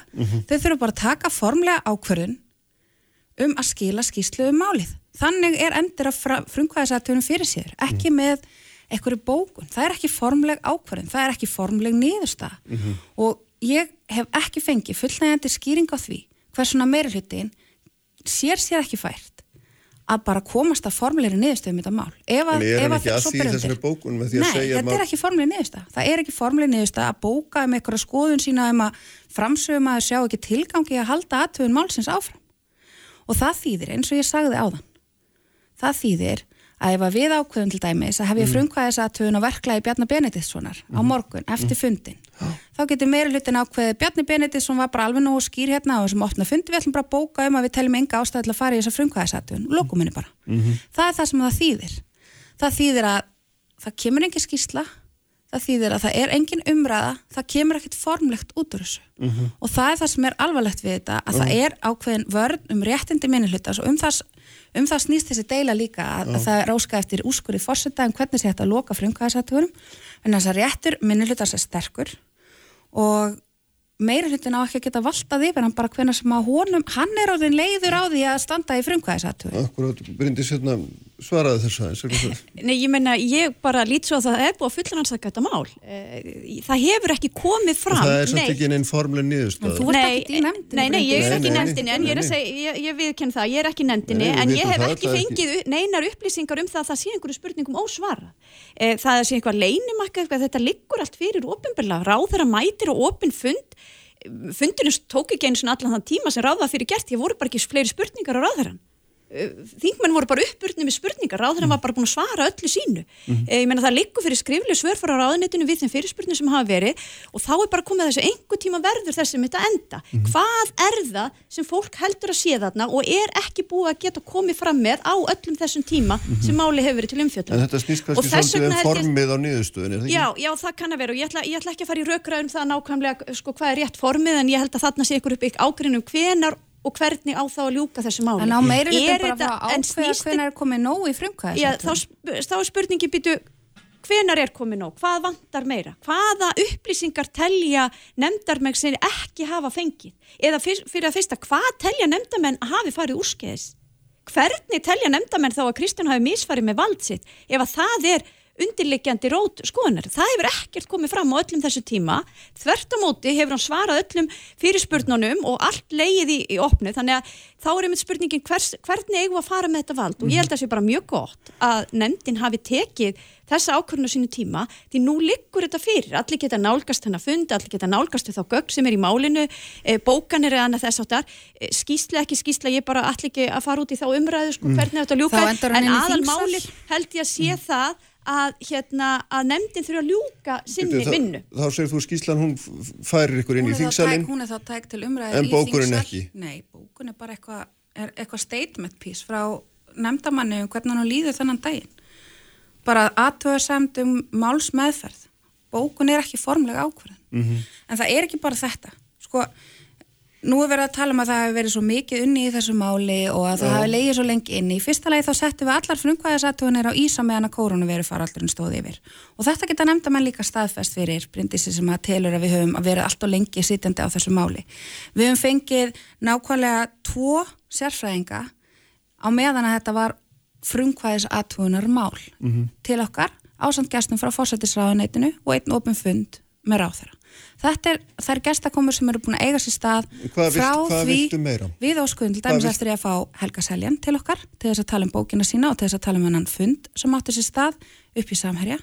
Við óskuðum líka eftir að fá að tala aftur við Kristján Þór til þess að fylgja eftir þeim svörum sem komu frá hans ráðanetti þegar að við sendum spurningar til þess að fylgja eftir fyrstu spurningunum.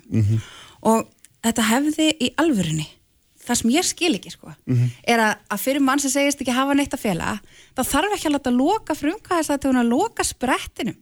Og það er ekki þannig að við ætlum að fara að upplýsa um eitthvað stóran glæp akkvart þessum ráþurra það sem að ég vildi koma á framfæri með formlegri skýslu er að það er ekki nógu skýrt hvernig meta skuli hæfi inn í ráðanýtunum, það er það ekki. Sérstaklega um leið og stjórnsýslulögunum sleppir. Um leið og komin út fyrir hennar ramma sem heitir að taka stjórnvalds ákvarðanir að þá er bara alls ekki nógu skýrst hvernig á að meta hvort það ráð þeirra sé hæfur eða ekki til þess að taka ákvarðanir. Og það snýr ekki bara Kristjánu sjálfum.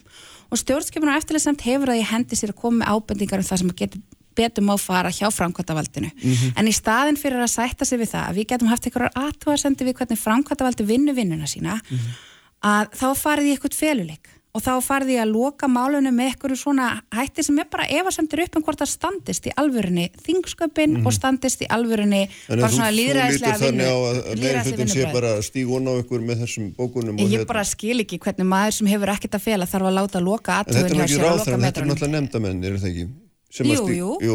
emitt, en ráð þegar hann saði sjálfur við nefndamenn Mm. og um það snýst nú þessi aðtöðun að hann taki við öllum ábendingum, hann hafi ekkert að fela Mhm. og hann þakki fyrir tækifæri til þess að koma og spjalla við okkur um þetta. Þannig að af hverju þarf hann að láta skýla sér fyrir því að koma og tala við okkur einu sinni enn? Þess vegna þarf hann eitthvað skjöld fyrir því. Ég held að það sé nú mitt mikið vett að halda því því það, haga að það sé ekkit verið að skýla ráðherran með að hann beita einhverjum í, í þeim efnum en ég meina mér finnst máli bara að liggja nokkuð nokku, hérna ljóst fyrir eins og Þórildur Sunna segir hér, hér var, fór ekkit úrskeiðis en það eru ábendingar til þá hérna stjórnsýslunar um það hvernig meta í ráðherra, Og af hverju hæfi megum við ekki færa þær fram, þá bara frábært að, nefndin komi fram? því á framfæri og það er til dæmis komið fram það ekki. hér og fullt að tækifærin til að koma þeim ábendingum fram í, þingsal, nefnd getur auðvitað að tekið upp hvaða mál sem er eða, eða sammænjast um, hérna, um, um eða vilja breyta lögum eða komi ábendingar inn í, inn í hérna, stjórnsýsluna, þá er það auðvitað bara þið besta mál. Þessi nefnd, eða þar að segja, þessi meiri liti er búin að halda því fram núna að Kristján Þór hafi engra hagsmun að geta, hvorki fjárhæsleira nýja persónulega, gagvað samherja. Er það ekki rétt? Já, af hverju segir hann sig frá þremur stjórnsýslumáli sem tengja samherja? Hversuna gerir hann það? Ef hann hefur engra hagsmun að gæta? En byrju, vildur ekki hann segði sig frá máli sem Nei, ég er ekki að tala um það breyndis en ef hann hefur engra hagsmun að gæta þá má hann ekki segja sig frá málum hann ber ábyrð sem ráþurra, hann má ekki bara víkja sig frá einhverjum málum ef að það er engin hagsmun árakstrar. Þið getið ekki sagt öðrum megin, hann víkur frá vegna tengsla við samherja og svo lokið aðtuguna máli vegna þess að hann hefur engra hagsmun að gæta gagvar samherja, þetta bara stendst ekki skoðun, þetta talast bara ekki saman. Það er niðurstaða meira hlutans að hann hafi engra hagsmun að gæta gagvar samherja, hann er samt búin að segja sig frá þreymum málum sem Ég man samherja. ekki, man ekki alveg þessum málum, hérna, við getum ekki Þetta er bara farið- stjórnsýsla ákvarðinir, það skiptir ekki allir máli, hann Nei. gerir það samt vegna tengsla við já. Meiri hlutin að, að Það er þessum líka á ákvörðum þessum er opna tekna bara inn í sem ráðunitunum af em- embættismönnum og í einhverju tilfellum hefur hann þá sagt sér frá vegna ymmit þess að, að hann hefur verið tengdu við samherja þó hann hefur engi fjárasli tengst við samherja. Mér það, var alveg ljós, ljósta hérna, í upphafi þegar hann var gerður ráð þegar hann hafði einhvern tíma starfað og sitt í stjórn þessa fyrirtækis. Það vita það allir. Og ég reyndar litið að það bara sem mikinn kost að fólk geti komið úr atvinnulífinu og, og inn í stjórnmálinu og, og það sé ákveðin En kostur fyrir algjörlega, Og- og já, já þarna svona- tröst og trúverðuleiki já, já, já. akkurat og kannski meir um það oft heldur en einhver, einhver bókstaf, er það ekki? Jú, það, það þarf ekki- að vera einhvers konar hagsmunatengsli stað til þess að megi lýsa í vanhæfan í stjórnsýslumálum. Mhm. Það er líka bara að ráð þeirra ábyrð að víkja ekki fram málum bara því það er óþægilegt. Þetta Mhm. hefur líka komið fram í þessari aðtugun. Það er nú verið ánægilegt ef við hefum bara fengið að lýsa okkar aðtugun í formleiri skýrslu komið með okkar ábendingar Mhm. en það er bara ekki bóðið af halvu meira og það er það sem mér finnst svo sorglegt það er það sem ég er að harma að það sé ekki bara hægt að taka heiðarlega og opna og upplýsta líðræðislega umræði um það sem að við höfum komist að niðurstöðu að og við höfum kannski ólíka nálgun og ólíka skoðun að því. En það er það sem að meira hlutun er að gera. Hann er að standa í vegi fyrir því að það geti átt sér stað opin og upplýst umræða um þetta inn í þingsal Já, Það er náttúrulega- vandamálið. Já, Ég hef bara ekki séð neinn vandamál við að taka opna eða upplýsta umræðu um einni neittin í þingsal. Það er bara, það er bara uh, fullt af hlutum rættin í þingsal. Já, og ekki því skýrsla um þetta mál, Nei, nei, nei, Það nei, nei en ekki- ég meina, það ekki eh, það geta allir óska eftir því að taka sérstaka umræðu um eitthvað mál. Já, En af Til hverju að að taka, er- óska eftir ég að taka sérstaka umræðu um mál sem að er aðtugun nefndar sem ætti að vera til skýrsla. Mhm. Af hverju? Ef þið viljið ljúka þessu máli, skrifið þá bara skýrsla. Já, en þetta Eins og það á að náttúrulega, já, þetta snýst náttúrulega líka svolítið um það allavega svona utanfrá séð um það að hérna eins og svona nefndin og réttilega upp að bera virðingu fyrir minnihlutanum að því að allir stjórnmálamenn lenda ju í minnihluta eitthvað tíma og við sjáum náttúrulega oft hérna hvergi betra dæmeldur en í borgarstjóð Reykjavíkur þar sem að hérna meiri hlutin valtar yfir minnihlutan og skýtu um skónum í hvert einast skipti sem hann getur alveg sama hver og og veist, að því að líðræði byggja náttúrulega ekki á því að beita meiri hlutavaldi án takmarkana svo ég heldur nú smá ræðu það heldur auðvitað snýst það líka um að hérna, verða skoðanum minni hlutans ekki satt Jú, algjörlega. og hérna Og þess vegna held ég einmitt að sé svo mikilvægt hvernig þessi nefnd er sett upp og hann er um mitt stýrt af stjórnarandstæðingi. Þórildur Sunna stýrir, stýrir þessari nefnd og, og þarna Mm. Upp á beiðni- vissu marki, já. um, en ég meina þarna óska nefndamenn eftir því að, að þetta mál verði klára vegna Mm. þeir, þeir segja, heyru, hér er komið nóg. Það er búið að spurja allar spurninga, það er búið Og þess vegna óskar meira. eftir að, hérna, og þá er farið eitthvað svona, og þetta er auðvitað eitthvað ekkert svona þá fras inn í tala um nefndinni já, um en þá ertu að tala um eitthvað, eitthvað sem að hérna, úrskiði sem við farið en, en svo er verið að tala um eitthvað annað sem er einhverja ábendingar Já, það það er er eitthvað einhver annars almennar eðlis ábendingar inn í stjórnaráðið um það að það, Mm. það þurfi að fara betur yfir það, þá, þá finnst mér það bara eitthvað annað mál sem að full ástæði til að nefndin bara koma á framfæri. nákvæmlega sama málið og meiri hlutin getur ekki endilega endalaust endur skilgreint fyrir minni hlutanum hvað hann vill með sínum frumkvæðisættuðunum. Þetta er líka bara spurning um að bera lámasvirðingu fyrir því að við erum þrjú sem byggjum um frumkvæðisættuðun. Meiri hlutin stóð frá upphafi á móti, hann tóka með framsöguna, setti hendurnar á meiri hlutin því er ekki nefndin Já. öll búin að vera með þessa aðtugun og taka þátt í vinnu nefndarinnar. Svona, herðu, stutti ekki þessa frumkvæðisættuðun. Það eru til atkvæðagreislur sem að Gekk sína bara fram að það gekk hver var með og hver var þessari- á móti? Já, já, já, það liggur bara mjög skýrt fyrir. En er nefndin ekki búin að taka þátt í þessu, taka þátt í fundunum og taka þátt í upplýsingur, þannig að ég hef litið þannig á að þetta mál væri inni hjá nefndinni, ekki hjá þreymur þingmönnum inn í Nefndin fegst ekki til þess að senda nánari spurningar á sjáurútisræðuneti Veitu, Hvað fóru margar spurningar til sjáurútisræðanisins? Þar voru kannski 20 samtals. Já. Yfir heila máli Mm.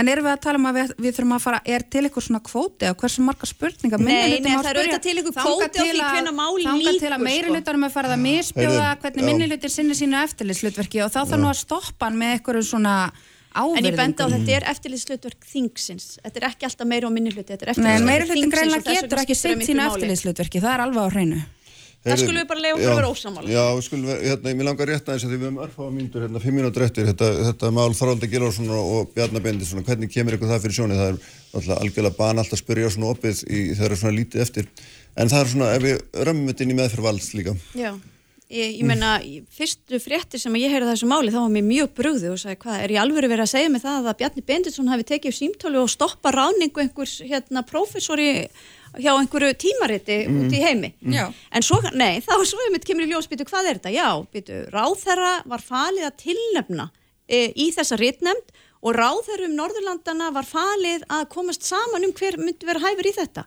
Þannig að mér spjarni nú bara hafa gefið mjög hérna góðar útskýringar á þessu. Mm. Þorvaldur Gilvason var aldrei tilnefndur af fjármálaráðunitinu e, og ég veit ekki hvernig hann fara fram á það endilega, hann hefði átt að vera þar á meðal. Mm. Það er ljóst að ráðuniti var að leggja hérna áherslu á að fá kannski yngra fólk og, og fá konur því það hefði ekki verið tilnæmda konur frá hinnu Norðurlandunum og einhvers stað verður til einhver miskilningur þarna það er vinur Þorvaldar telur að hann sé ágættur í, í þetta starf eh, einhver sví mm. ef, mér skilst eða eitthvað og, og verður einhver leðindar miskilningur sem að auðvitað bera harma. En e, mér finnst málið líka skýrt fyrir. Þetta er ekkit eitthvað óháð fræðatímaritt þetta er bara tímaritt sem að er rekið af fjármála og ráðunitunum og það eru þau sem að tilnefna og það eru þau sem komið sér saman um hverju besti þess fallin að stýra því. Svona, Já, ok, þetta þetta verður svona kemur mikið Bjarni ekki fyrir smámál nefndina ykkar á, Jú, hann kemur á morgun, klukkan tíu. Sem eru auðvitað bara frábært líka. Já. þá er Opnum spyrja og svara. Já, Jú, jú, það þarf líka bara þrjá nefndamenn til þess að koma með opinn fund, sko. Það þarf ekkert að þakka sérstaklega fyrir það. Við þurfum að heyra aðeins betra heldur en einhverjar góðar útskýringar á því hvernig sko, stjórnmála skoðanir manna eiga að koma í veg fyrir að þeir fái faglega stöðu. Af því að þetta er vissulega faglega staða þótt að, að fjármálaráðunetti geti staðið í vegi fyrir því að fólk fái ráðningu. En sko, það eru í alvörun ekki tækrök fyrir mann sem að fer fyrir flokki sem, kalla, sem, sem stólar á frelsi sem eitt af sínum undirstofum að bera fyrir sér stjórnmálaskoðanir fræðumanna til þess að hamla þeim framgangi í starfi. Það er bara ekki rétt að það verið gert. Það er ótrúlegt. Og sko ef þetta er bara eitthvað leiðinda miskilningur að bera upp á hann að hann sé formaður stjórnmálaflokks og nú ráðunitinu lág bara svo mikið á að fá konu og hann hafi nú aldrei verið tilnæmtur í þetta og þetta sé allt bara eitthvað smámál sem að við smásálitnar hérna sem að gerum æsingur öllu eigum nú bara að hætta að vera svona brjálið yfir. Af hverju stóð fjármálaráðuniti þá á móti því að Þorvaldi fengi þessar upplýsingar á grundvelli upplýsingalaga vegna ríkra almannahagsmuna. Hvaða rík og almannahagsmunu voru því að þetta smámál eins og uh, hægri vil núna halda fram myndi upplýsast? Í alvörunni. Hvers vegna sá fjármálaráðinni til sig knúið til þess að lýsa í sérstaklega yfir áður en að Bjarni tjáðu sig að hann hafi ekki haft neina aðkomu að þessari aðföra starfsheyðri Þorvaldar Gilvarssonar. Ef þetta er svona mikið smámál, hvers vegna þurfti þá að fara í svona leinimakki kringum þetta? Hvers vegna þurfti þá að segja ósátt við fjölmjöla? Hvers vegna þurfti fjármála ráðuneyti að fara á þvó ráþeransinn af þessu öllu saman fyrst að þetta er svona lítið mál? Þetta er auðvitað bara enn ein uppljóstrininn, enn ein afhjúpuninn um það að sjálfstæðisflokkurinn stundar útilokun og hún gerir fólki erfiðara fyrir að taka þátt í samfélaginu, fyrir það að taka þátt í stjórnmálum, fyrir það að láta í sér heyra, fyrir að vera ekki sammála sjálfstæðisflokknum. Og það er auðvitað gríðarlega sorglegt og það er ekki hægt að kalla sér frelsisflokk. Og neyta fólki Já, við og ráðast af fólki fyrir þeirra pólitísku skoðanir. Já, um- það er ekkert frelsi í því. Fyndis. Nei, ég meina þetta er náttúrulega bara alveg ótrúlega lágkúrulegar yfirlýsingar sem að hérna Þórildur Sunna lætur hér falla.